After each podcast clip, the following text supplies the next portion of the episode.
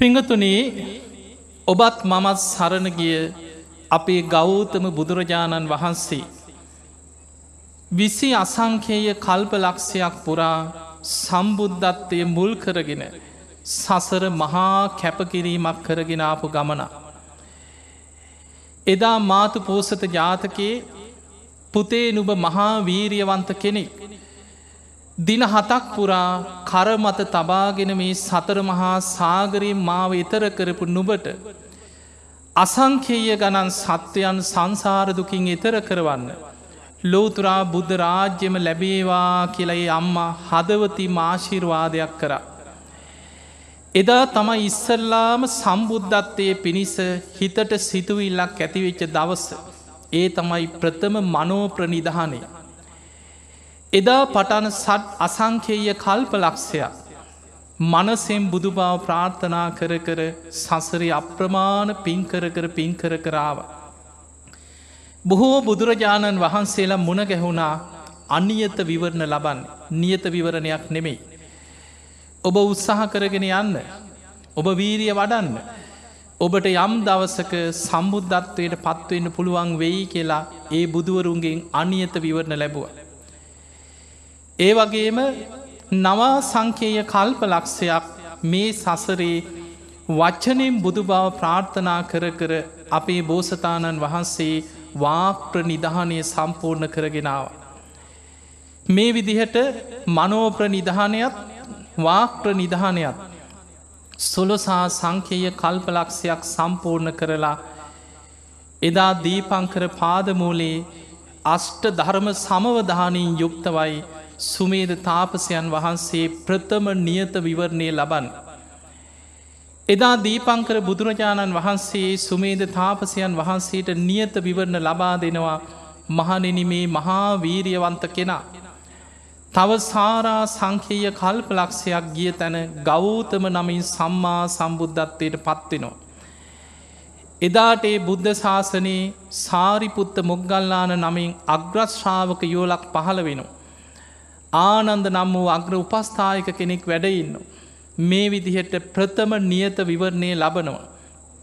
එදා සුමේද තාපසයන් වහන්සේ විමසනවා ස්වාමීනයේ සම්බුද්ධත්වය පිණිස මාද පටන් දියුණු කළ යුතු බුද්ධ කාරක ධර්මයන් මොනවද.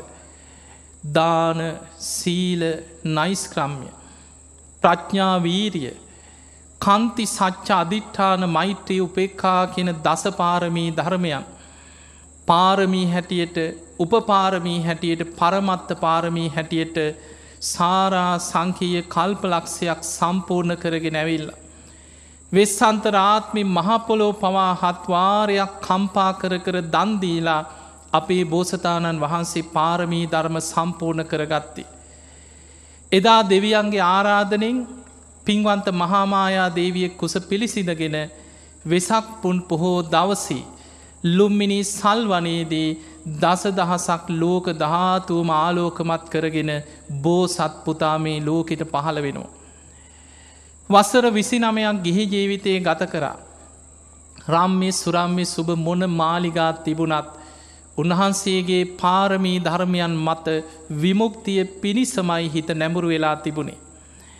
එදා චන්න ඇමතියා සමඟ කන්තක අසුපිට නැගල අභිනිස්ක්‍රමණය කරේ පුංචි රාහුල පුතා ඉපදිච්ච දවසෙමයි.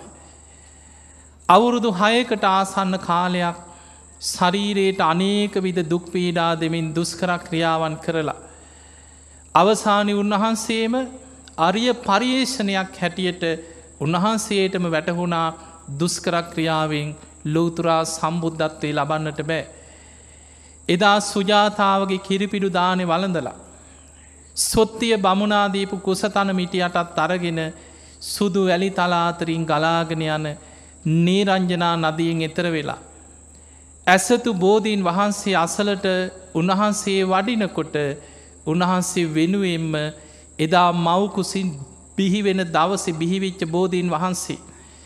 උන්වහන්සේගේ වයසත් අවුරුදු තිස් පහයි බෝධීන් වහන්සේගේ වයසත් හරියට මවුරුදු තිස් පහයි. නැගෙනහිර දිසාවට කුසතන එලලා බෝධිමූලේ වැඩ සිටි පුදුමාකාර අධිෂ්ඨානයකි. මගේ ශරීරයේ සම්මස් වියලේවා ඇටනහර පමණක් ඉතිරි වෙතොත් ඉතිරි වේවා.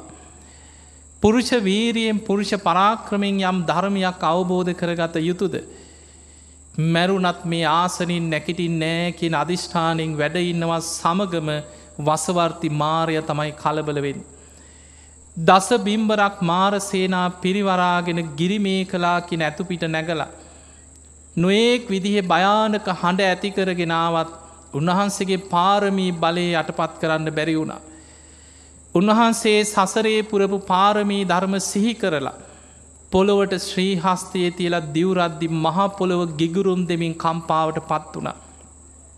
වසවර්ති මාරය ඇතුළු මාර පිරිස සීසීකට පලාගිය. හෙදා බෝධිමූලේ රාත්‍රී පලවෙනියාම වෙනකොට. ආනාපාන සති භාවනාවෙන් හිත සමාධිමත් කරගත්ත හතරවෙනි දිහානයට. පෙරජීවිත දකින නුවන උන්වහන්සේට ප්‍රථම යාමේම ඇති වුණා. රාත්‍රී දෙවනියාමි චුතූපාත ඥානය ඇති වුණ. රාත්‍රී තුන්වෙනියාමේ පටිච්ච සමුපාදය අනුලෝම ප්‍රතිලෝමසයෙන් විමසල අවසන් වෙද්දී. මේ මහා බද්්‍රකල්පයේ හතරවෙනි බුදුරජාණන් වහන්සේ හැටියට නැගෙනහිරින් අරුණෝදය මතුවෙනවා සමගම. උන්වහන්සේගේ හිත සියලු කෙලෙසුන්ගෙන් සියලු ආශ්‍රවයන්ගෙන් මිදිලා බෝධි මූලයේදී සම්මා සම්බුද්ධත්වයට පත්වෙනවා. දස දහසක් ලෝක දහතුවම ආලෝකමත් කරමින් උන්වහන්සේ සම්මා සම්බුද්ධත්වයට පත් වුණ. අවුරුදු හතලිස් පහක් පුරා අවබෝධ කරගත් ධර්මය ලෝකෙන දේශනා කරමින් ගම් නියම් ගම්පුරා වැඩම කරමින් උන්වහන්සේගේ සම්බුදු කෘතිය ඉටු කරා. බුදුරජාණන් වහන්සේ සම්බුදු කෘතිය ඉටු කරද්දී දින සති මාස අවුරුදු ගෙවීගෙන ගෙවීගෙන ගිහිල්ලා උපන්නා වූ සෑම සත්වයෙක්ම වයිසට යනෝ. අපේ බුදුරජාණන් වහන්සේත් වයිසට ගිය. බුදුරජාණන් වහන්සේ ආනන්ද හාමුදුරන්ට දේශනා කරන ආනන්දය දැන් තතාගතයන් වහන්සේගේ ශරීරි හරියට ජග්ගර සකට දිරාගිය කරත්තයක් වගේ. බොහොම අමාරුවෙන් පිළිසකර කරල මේ පාරය අරගෙන යන්නේ. උන්වහන්සේ සම්බුදු කෘත්ති අවසන් කරලා එදා චාපාල චෛත්‍යස්ථානය අසලදී.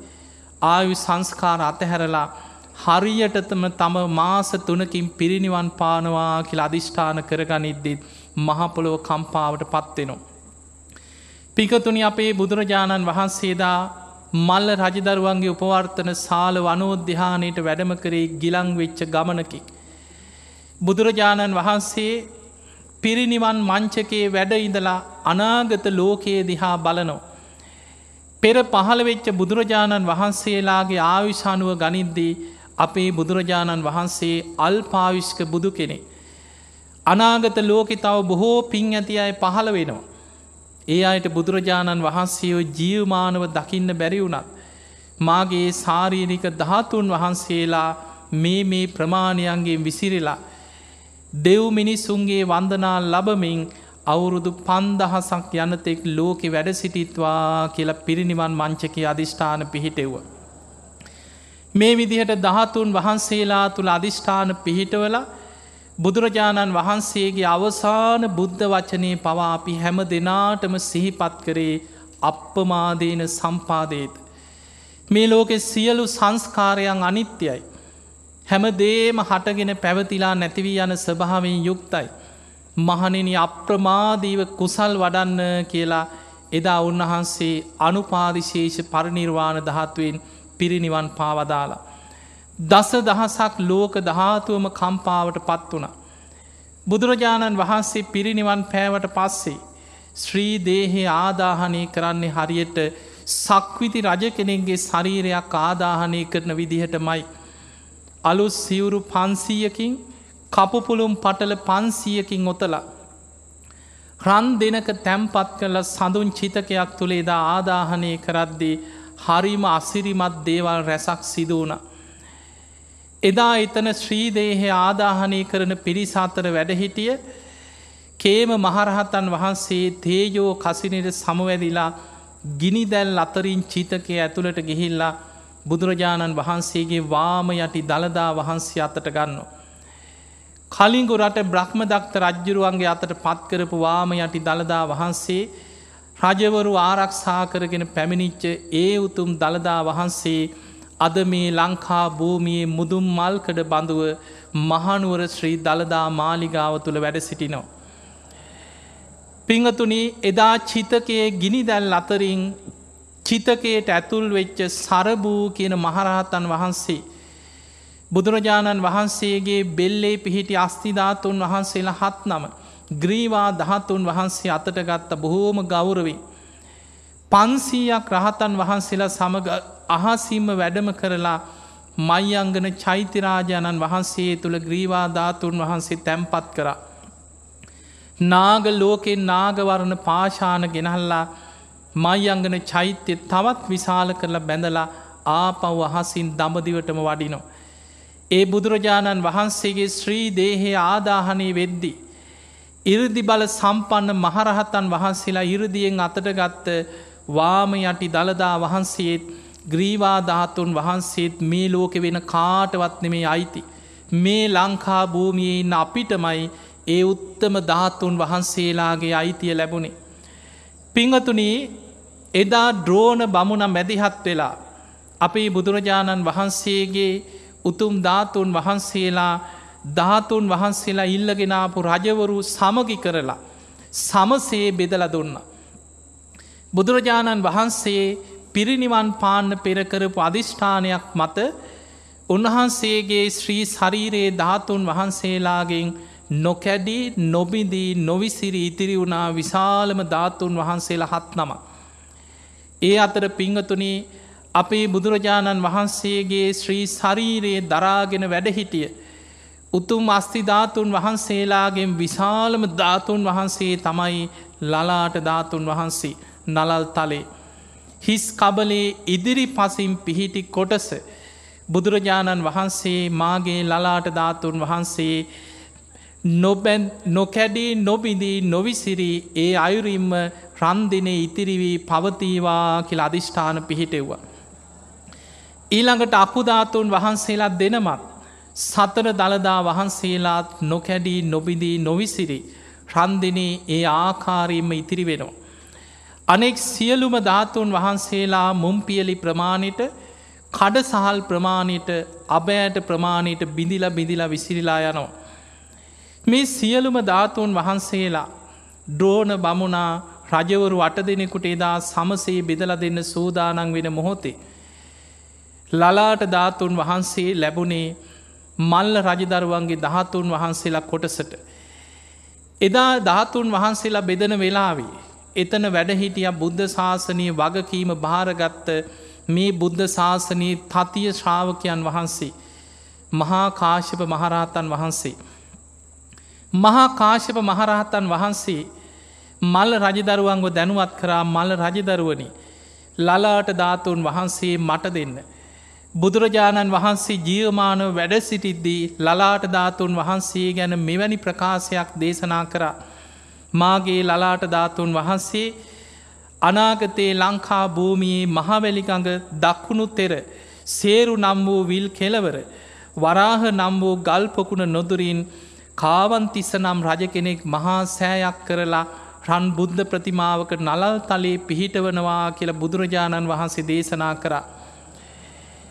ඒ නිසා මල්ල රජදරුවනි ලලාටධාතුන් වහන්සේ අපි ආරක්ෂා කරගෙන නියමිත කාලේ ලංකා භූමියයට ලැබෙන්න සලස්සන්නන් කියලා මහා කාශ්‍යප මහරහතන් වහන්සේ ලලාට ධාතුන් වහන්සේ ඉල්ල ගත්තා. උන්වහන්සේගේ ජේෂ්ඨ ශිෂ්‍යරත්නයක් වන මහානන්ද මහා තෙරුන් වහන්සේගේ අතට ලලාට ධාතුන් වහන්සේ පත් කරා අනාගතයේ ලලාට ධාතුන් වහන්සේ ලංකා භූමියයේ පිහිටවන විස්තරයේ දැනුවත් කරලා. උන්වහන්සේ අහසිම්ම ලලාට ධාතුන් වහන්සේ රැගෙන විශාලා මහනුවර කූටාගාර ශාලාවට අහසිං වැඩම කරනු. විශාලා මහනුවර කූටාගාර ශාලාවි. අපේ බුදුරජාණන් වහන්සේ වැඩ සිටිය ගන්ධකුටියේ ලලාට ධාතුන් වහන්සේ තැම්පත් කරනවත් සමගම ලලාට ධාතුන් වහන්සේගෙන් සවනක් ගන බුද්ධ රශ්මි දහරා විහිදුනා කියලා ඉතිහාසි සඳහන් වෙනවා. උන්වහන්සේ ජීවමානව වැඩ සිටින තාක්කල් මහානන්ද මහරහතන් වහන්සේ විශාලා මහනුවර කූටාගාර ශාලාව තුළ ලලාට ධාතුන් වහන්සේට බුදු කුටියක්සේ ජීවමාන බුදුරජාණන් වහන්සේ වැඩඉන්න වසේ අප්‍රමාණ පුද පූජාවන් සිදු කර. උන්වහන්සේ පිරිනිවන් පාන දවසේ.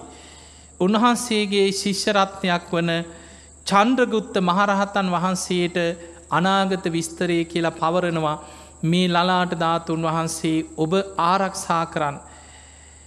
අනාගතයේ ලංකා භූමියයට ලැබෙන්න සලස්සන්න කියලා චන්ඩගුත්ත මහරහතන් වහන්සේගේ අතට පත් කරලා මහානන්ද මහරහතන් වහන්සේදා පිරිනිවන් පානවා විශාලා මහනුවර ඒ උතු මාරාම භූමී. උන්වහන්සේ පිරිනිවන් පෑවට පස්සේ. චන්ඩගුත්ත මහරහතන් වහන්සේ ලලාට ධාතුන් වහන්සේ රැගෙන අහසිම්ම සැවැත්නුවර ජේතවන පුුණ්‍ය භූමියයට වැඩම කරනවා. ඔබ දන්න අනාත පින්ඩික සිටුතුමා බුදුරජාණන් වහන්සේට වහල හතකින් යුක්ත සඳුන් සුගන්ධ කුටියක් හදල පූජා කර.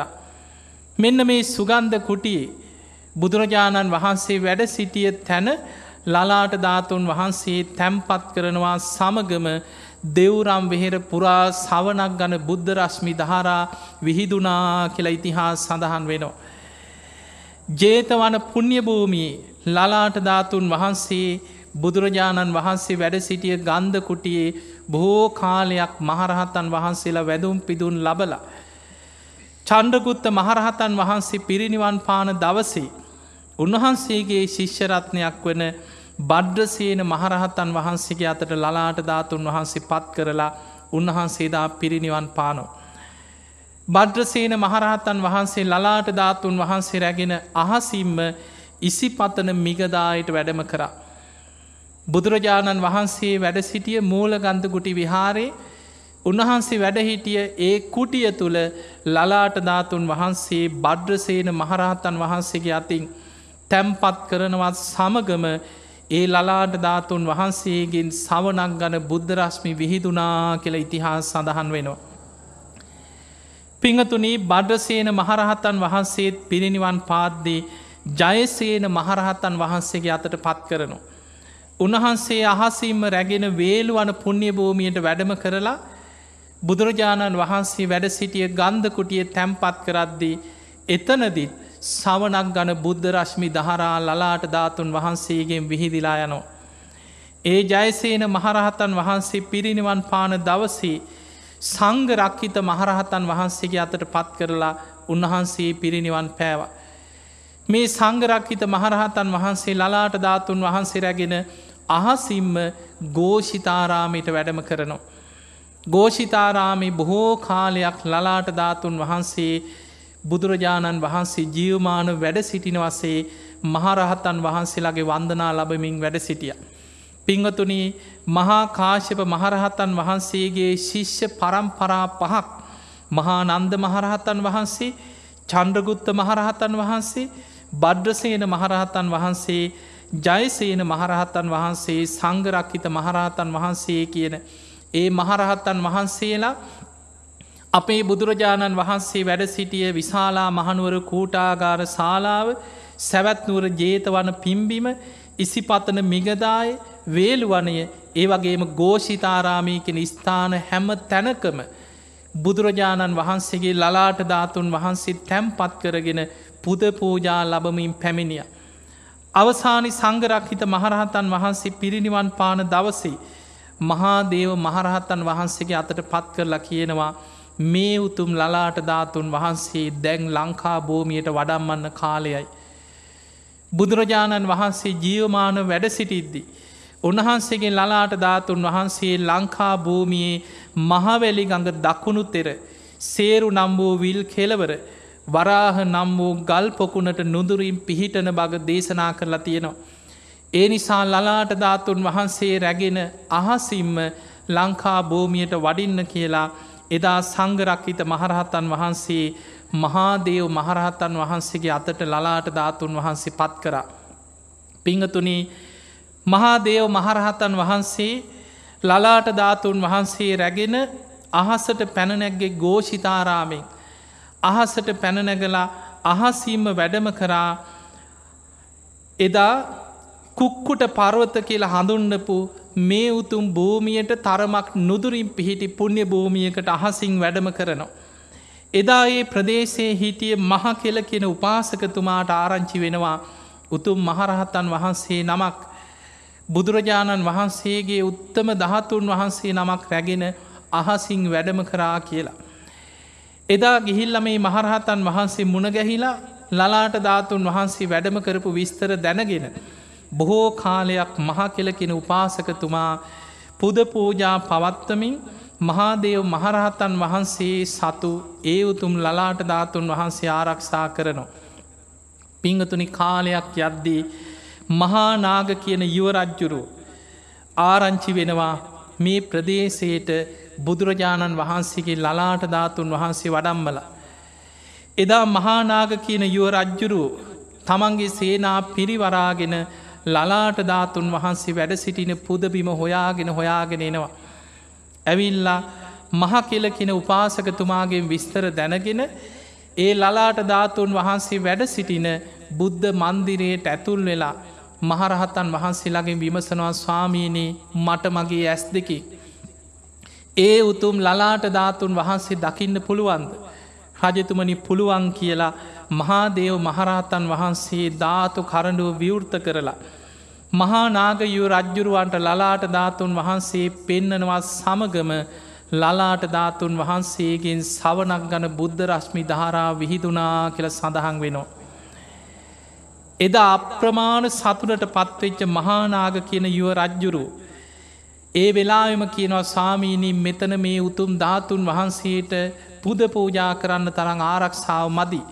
මගේ මාලිගාවට වඩම්මමු කියලා පෙරහැරින් ලලාට ධාතුන් වහන්සේ මහානාග යුවරජ්ජුරුවන්ගේ මාලිගාවට වඩම්මගෙන පැමිණිය. මහාදේව මහරහත්තන් වහන්සේ බොහෝම ගෞරවෙන් ලලාට ධාතුන් වහන්සේට උපස්ථාන කරමින් ඒ ගමනට වැඩම කරා.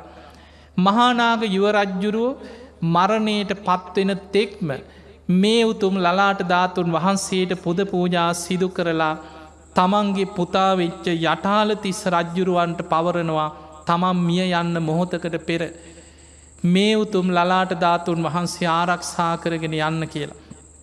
යටාල තිස්ස රජ්ජුරුවොත් බොහෝම ගෞරවෙන් ලලාට ධාතුන් වහන්සේට පුද පූජා කරගෙන බොහෝ කාලයක් ඒ ලලාට ධාතුන් වහන්සේ ආරක්ෂා කරගෙන ලංකා භූමියයේ බොහෝ වෙහෙර විහාර ඉදි කරලා යටාල තිස්ස රජ්ජුරුව මිය යන මොහොතේ.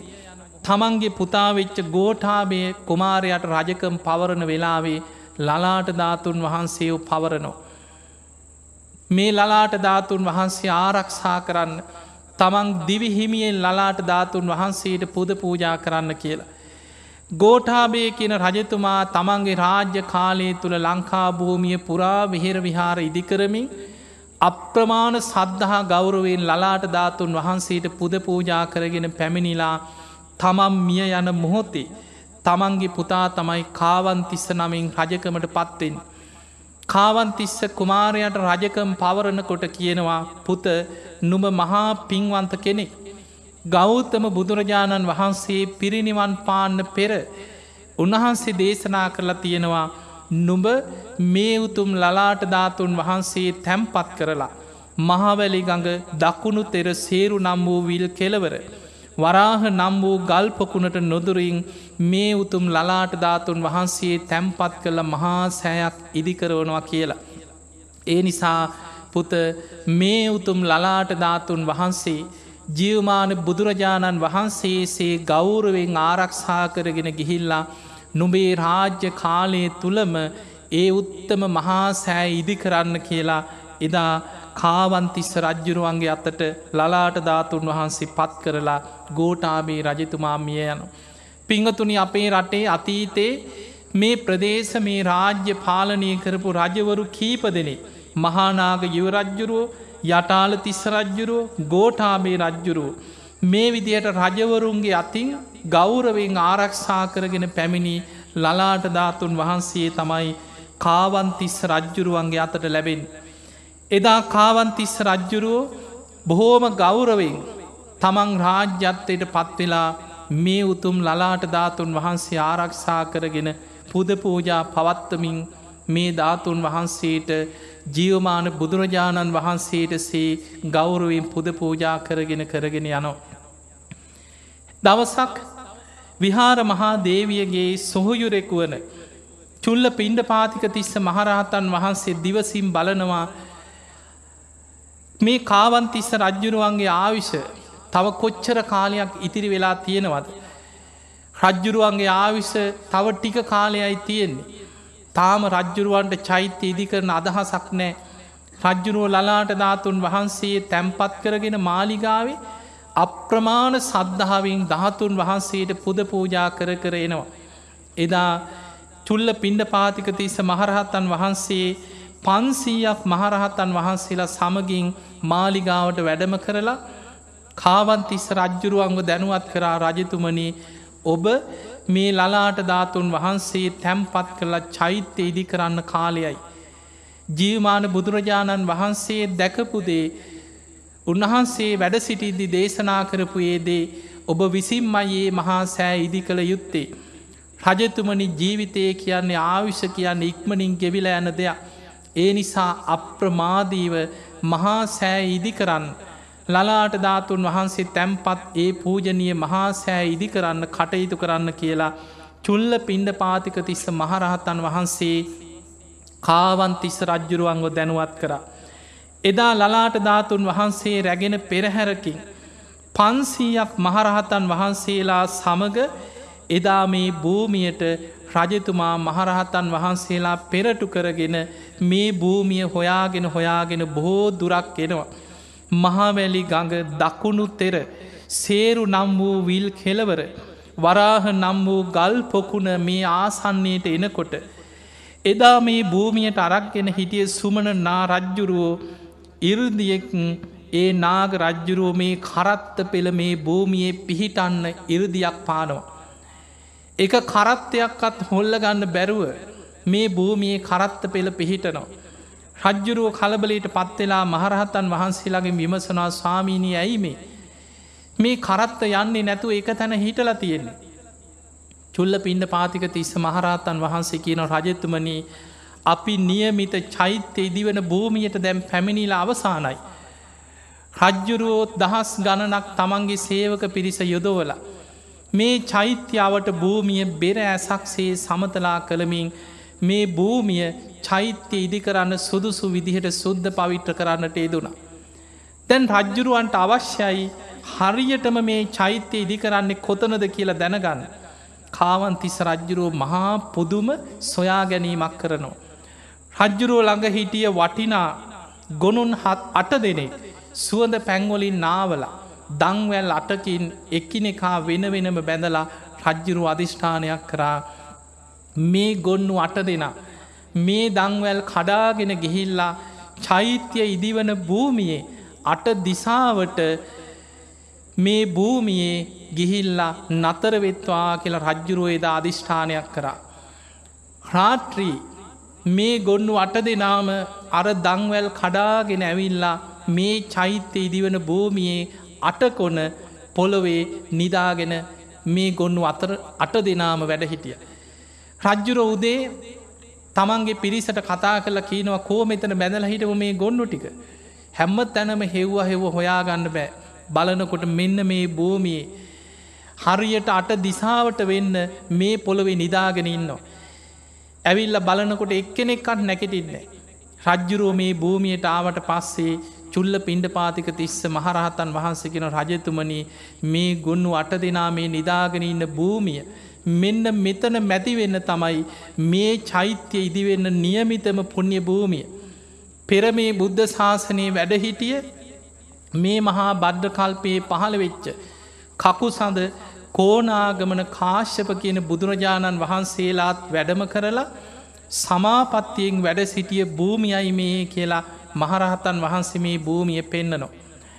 රජ්ජුරුව එදා රාත්‍රී දෙවනි දවසේ තමන්ගේ වටිනා අස්වයන් හතර දෙනෙක් අර විදිහටම සඳුන් වතුරින් සුවඳ පැංවලින් නාවල දංවැල් හතරකින් ගැටගහලා රජ්ජුරු අධිෂ්ඨානය රජ්ජුරු අධිෂ්ඨානයක් කරනවා මේ අස්වයන් හතර දෙනාත් අද රාත්‍රී මේ දංවැල් කඩාගෙන ගිහිල්ලා චෛත්‍යය ඉදිවන ඒ නියමිත තැන හතර දිසාවට මේ පොළොවේ නිදාගෙන පිහිටාවා කියලා අර දංවැල් හතරින් ගැටගහල් රජ්ජුරු අධිෂ්ඨානයක් කරනවා. ඒ විදිහටම රාත්‍රී දංවැල් කඩාගෙන යන අස්වයන් හතර දෙනා. මේ චෛත්‍යය හතර දිසාවට වෙන්න පොළොවේ නිදාගෙන ඉන්නවා. උදේ හැම තැනම හොයලා හොයලා සේවකයෝ හරියටම මේ භූමියම අස්වය හතර දෙනා හොයාගන්න. රජ්ජුරුව එතනින් අතර උන්නේ.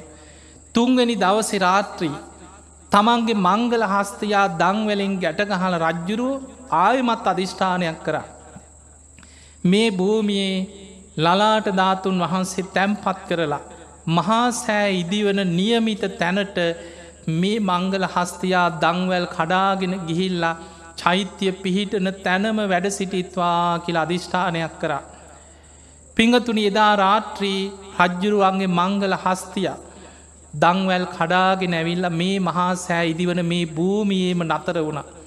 ඔය විදිහට රජ්ජුරුවොත් තුන් වතාවක් මේ භූමිය පරික්ෂාවට ලක්කරා ලලාට ධාතුන් වහන්සේ පිහිටන මේ භූමිය.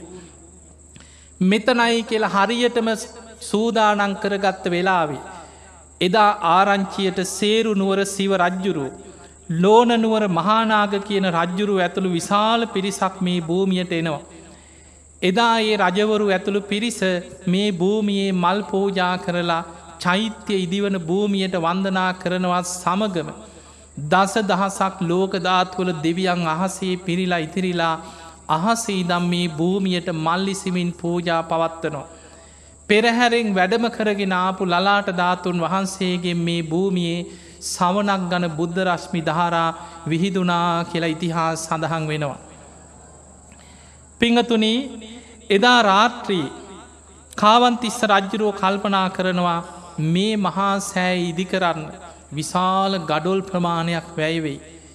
කොහොමද මං මේ මහා සෑයට ගඩොල් හොයාගන්න. රජ්ජුරුවන්ගේ හිත දකින දෙවිවරු සක්‍ර දෙවියන්ට දැනුන් දෙනවා සක් දෙවිදුනි. ලංකා භූමියයේ කාවන්තිස්ස රජ්ජුරුව ලලාට ධාතුන් වහන්සේ තැම්පත් කළ මහා සෑයක් ඉදි කරන්න. ගඩොල් හොයාගන්නේ කොහොමද කියලා රාත්‍රී පසු තැවෙනවා.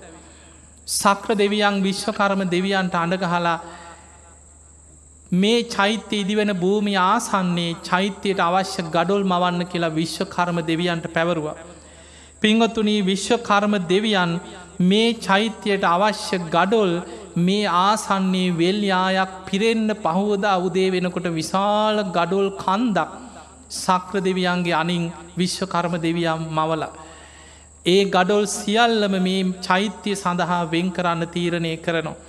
ඒ වගේ මයි රන් රිදී පිර වූ නැව් හතරක්. මේ භූමියට සේන්දුනා කියල සඳහන් වෙනවා මේ මහා සෑ ඉදි කරන්න කටයුතු සූදානන් කරනවත් සමගම. වෙසක් පුන් පොහෝ දවසේ විසා කියන නැගතින් තමයි චෛත්‍ය කර්මාන්තය ආරම්භ වෙන්නේ.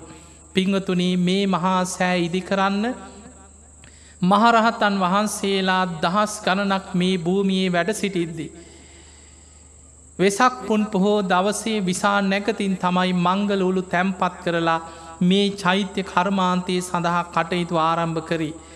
මේ චෛත්‍යය ඉදිකිරීම පිණිස චුල්ල පිණ්ඩ පාතික තිස්ස මහරහතන් වහන්සේගේ අනුශාසකත්වය මැද ප්‍රධාන වඩුවන් ලෙස ජයසේන කියන කෙනා ඒ වගේම වරදේව සංක විජ්ජ පුස්ස දේව මහාදේව කියන වඩුවන් තෝරගත්තා මේ චෛත්‍ය කටයුතු නිර්මාණය කිරීම පිණිස.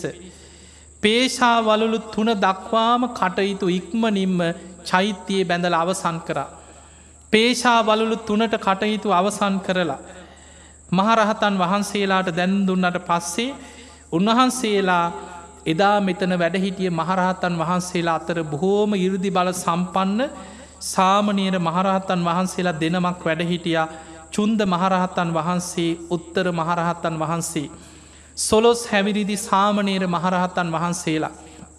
උන්වහන්සේලාට පැවරුවා ඔබවහන්සේලා අහසින් ගිහිල්ලා හිමාල වනාන්තරයේ පිහිටි මේදවරණ පාශාන හයක් පතුරු හයක් අහසින් අරගෙන එන්න ධාතු ගර්භයට ප්‍රමාණවත්. එදා චුන්ද මහරහතන් වහන්සේ උත්තර මහරහතන් වහන්සේ ඉරුදියෙන් අහසින් වැඩම කරලා හිමාල මහ වනාන්තරයේ මේ මහා සෑය වෙනුවෙන් පහළවෙච්ච මේදවරණ පාශාන විශාල පතුරු හයක් උන්වහන්සේලාගේ ඉරදි බලයෙන් අහසෙන් රැගෙනෙනවා. එක මේගද වරණ පාශානයක් පොළොවට පේශාවලලු තුනේ පාදමට පිහිටෝනෝ. හතර කොන මේගවරණ පාශාන පතුරු හතරක් හතර කොන පිහිටෝනු. උඩින් වහන පියන පමණක් එලිය පැත්තකින් තැම්පත් කරලා ධාතු ගර්භයේ නිර්මාණ සියල්ල සිදු කරන. මේ ධාතු ගර්භය තුළ රනින් බුදුරජාණන් වහන්සේගේ බුද්ධ චරිතයේ බොහෝ සිදුවීන් නිර්මාණය කරලා. මේ ධාතු ගර්භයේ මැදට වෙන්න. අපේ බුදුරජාණන් වහන්සේ එදා දෙව්ලෝවට වැඩම කරලා අභිධර්මය දේශනා කරපු සුරූපෙන් බුදුරජාණන් වහන්සේගේ රන් බුද්ධ ප්‍රතිමා වහන්සේ නමක් ඒ ආකාරයෙන්ම ධාතු ගර්භී මැද නිර්මාණය කරනවා. උන්වහන්සේගේ ඒ උතුම් බුද්ධ ප්‍රතිමා වහන්සේගේ ඒ මැනික්වලින් ඒ ඇස් නිය මැනික් ඔබ්බල ඒ රන් බුද්ධ ප්‍රතිමා වහන්සේ මේ ධාතු ගර්භය තුළ නිර්මාණය කර අවසන් වෙලා. එදා මේ සෑයේ ධාතුන් වහන්සේලා තැම්පත් කරන්න කටයුතු සූදානන් කරේ රෙහෙන කියන නැකතින් තමයි ධාතු නිදං කරන්න මහරහතන් වහන්සේලා කටයුතු සූදානන් කරන්න. එදා පිංහතුනී ලලාට ධාතුන් වහන්සේ තැම්පත් කරන්න පෙර මහරහතන් වහන්සේලා දැන් ධාතුන් වහන්සේලා තැම්පත් කරන්න ධාතු ගර්භයේ නිර්මාණ කටයුතු සියල්ල සිදු කළ අවසානයි. එදා මහරහතන් වහන්සේලාට මේ ධාතු ගර්භය වෙනුවෙන් කේෂ දහත්තුන් වහන්සේලා ලබාගන්නේ කොහොමද කියලා දැනුන් දුන්න. එහෙම දැනුන් දෙනවා සමගම සිව කියන මහරහත්තන් වහන්සේට මහරහතන් වහන්සේලා දැනුන් දෙනවා ඔබ මහා ඉරදි බල සම්පන්න කෙනෙක්. ඔබ භූමින්දර කියන නාග බවනට යන්න තපස්සු බල්ලුක වෙළඳ සොහොයුරන්ගෙන් ලැබිච්ච කේෂ දහතුන් වහන්සේලා ජයසේන නාරජු සත්තුව නාගලෝකෙ පවතිනෝ. ඒ කේෂ ධාතුන් වහන්සේලා රැගෙන එන්න කීවා මේ උතුම් ලලාට ධාතුන් වහන්සේ පිහිටන බුද්ධ ප්‍රතිමා වහන්සේගේ ශීර්ෂය මත තැම්පත් කරන්න. පිංහතුනි එදා සිව මහරහතන් වහන්සේ පොළොවෙන් කිමිදිලා උන්වහන්සේ බොහොම ඉරදි බල සම්පන්න කෙනෙ. භූමින්දර කියන නාග භවනයෙන් මතු වෙනකොට ජයසේන නාරද්දු කල්පනා කරා මොකද මේ මහරහතන් වහන්සේ මේ වෙලාවේ නාගලෝකට. සාමීනි ඇයි මේ ඇහුව මේ වෙලාවේ. උන්වහන්සේ කියනව රජතුමනී කාවන්තිස්ස රජ්ජුරුවෝ ලලාට ධාතුන් වහන්සේ තැම්පත් කරලා මහා සෑ ඉදි කරලා අද ධාතු තැම්පත් කරන දවස. ඔබ සතුව තියෙනවා බුදුරජාණන් වහන්සේගේ කේෂ ධාතුන් වහන්සේලා. ඒ කේෂ ධාතුන් වහන්සේලා රැගෙන යන්න ඉකිව නාගලෝකෙටාවේ. ඒ වෙලාවිම ජයසයන නාරජු ඉක්මනින්ම කාටවත් නොපෙනෙන්න ධාතු කරඩුව කුසේ හංග ගත්තා. ධාතු කරඩුව ගිල ගත්තා. ගිලගෙන කිනවා සාමීනී ඔබහන්සිට වැරදීම. ධාතු කරඩුව අපි ළඟනෑ. ඔබහන්සිත් තියෙන තැනක් දැක්කනං අරගෙන යන්න කිය. ඒ වෙලාවෙ සිව මහරහත්තන් වහන්සේ දැක්ක ජයසේන නාරජු කුසේ හංගගෙන ඉන්න කේෂ දහතු තැම්පත් කරඩුව. උන්වහන්සේ නැවත වතාවක් කියනවා එහෙම නම් මං තියෙන තැනින් ගන්නද කියලා. ඉතින් එහෙන ස්වාමීණී ඒකනෙ මං ඔබහන්සිට කිව්වේ කේෂ දහතුන් වහන්සේලා මගේ ළඟ නෑ කීව. තියෙන තැනක් තියෙනවන ඔබහන්සේ දැක්කන ගෙනියන්න කීව. තුන්වනි වතාවත් ස්තීර කරගත්තා. ස්වාමීණී එහෙමනං ඒ කේෂධාතුන් වහන්සේලා මං ඔබහන්සිට කිව්වනේ මගේ ළඟ නෑ තියෙන තැනින් ගන්න කියව. තුන් වතාවක් මේ වචනේ රජ් අර නා රජ්ජුරුවන්ගේ කටින් කියවුනාට පස්සේ හොඳයි එහෙම නම් මං යන්නන් කියලා ජයසීන නාරජුටත් නොදැනෙන් කුසේ හංගගෙන හිටිය ධාතු කරඩුව ගත්ත සිව මහරහතන් වහන්සේ නාග ලෝකෙන් ඒ මහසට පැනනැග්ග.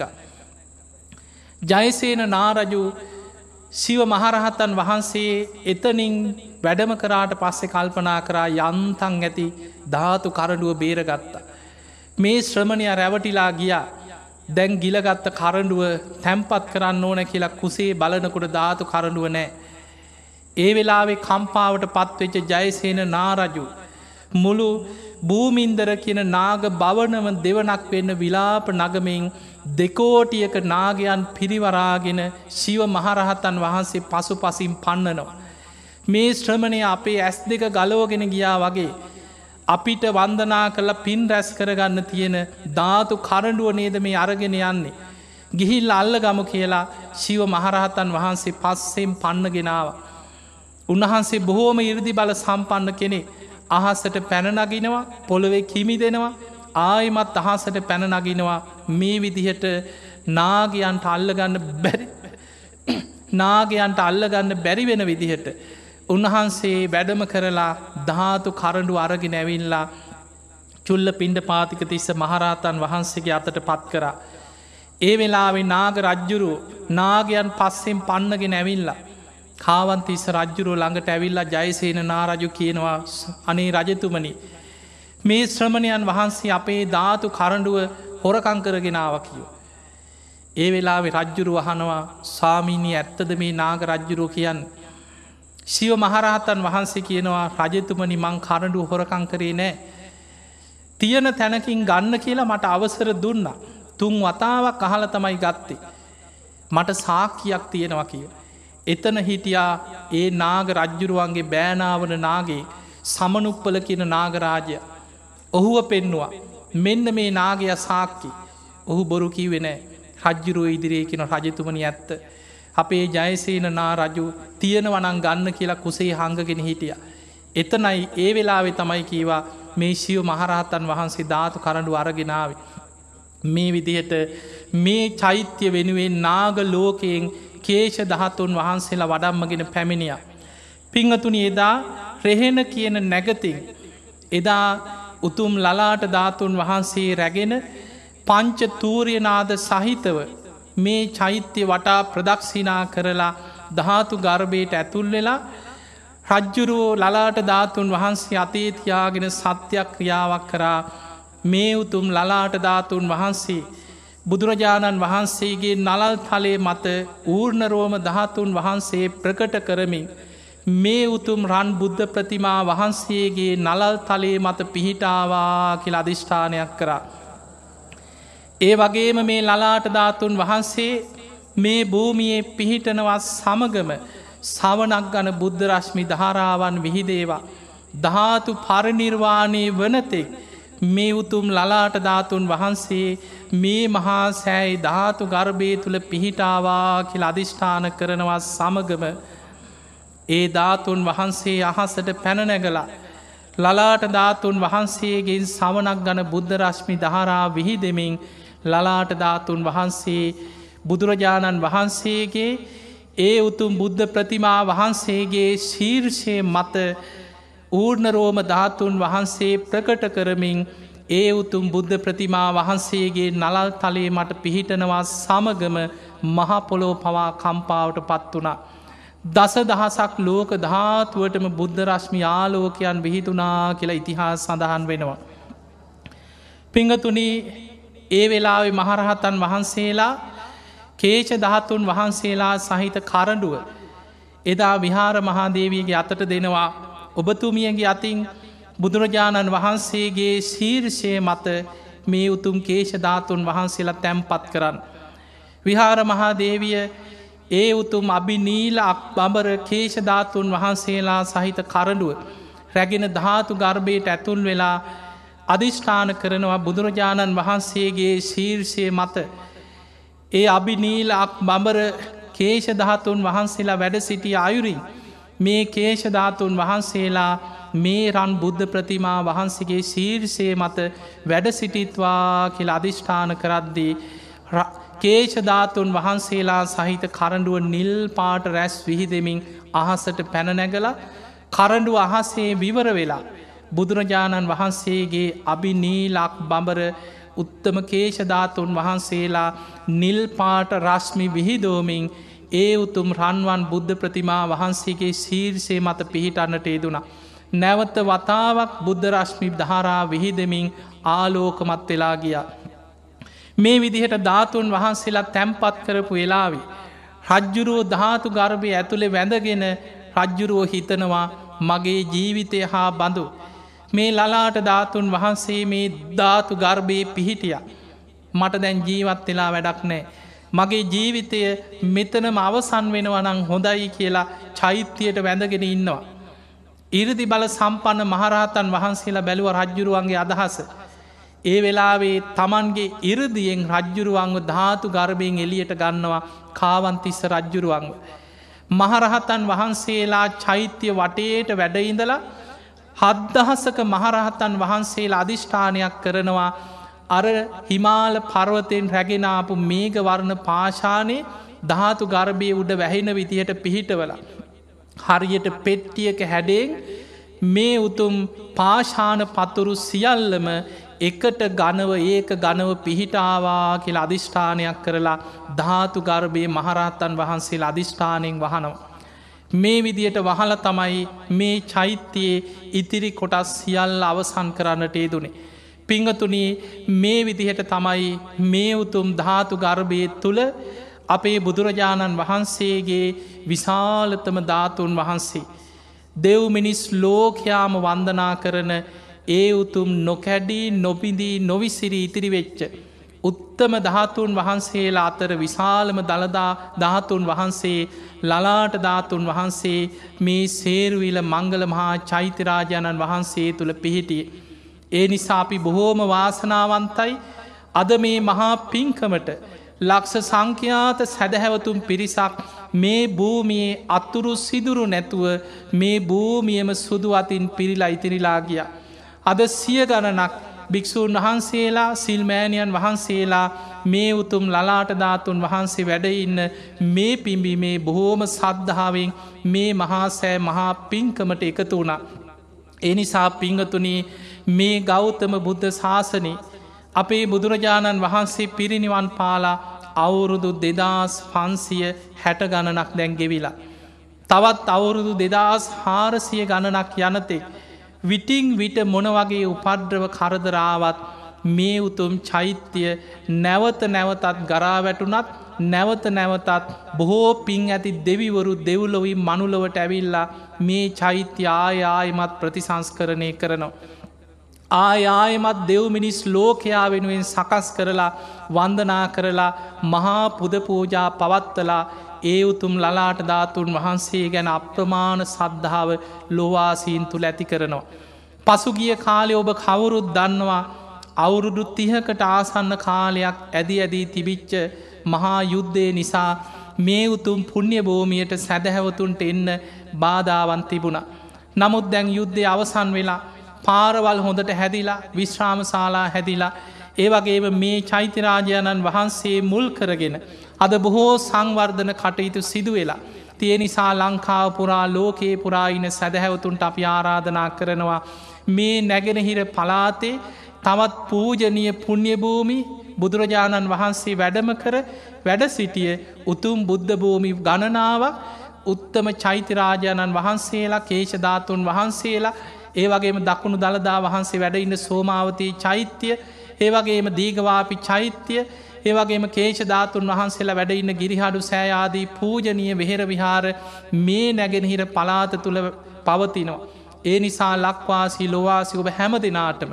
අපේ ජීවමාන බුදුරජාණන් වහන්සේ සිහිකරගෙන මේ භූමි වන්දනා කරන්න ඔබ බොහොම සද්ධාවෙන් පැමිණෙන්. තින් එහෙමනං අද දවසේ මේ උතුම් ලලාට ධාතුන් වහන්සේ මුල් කරගෙන.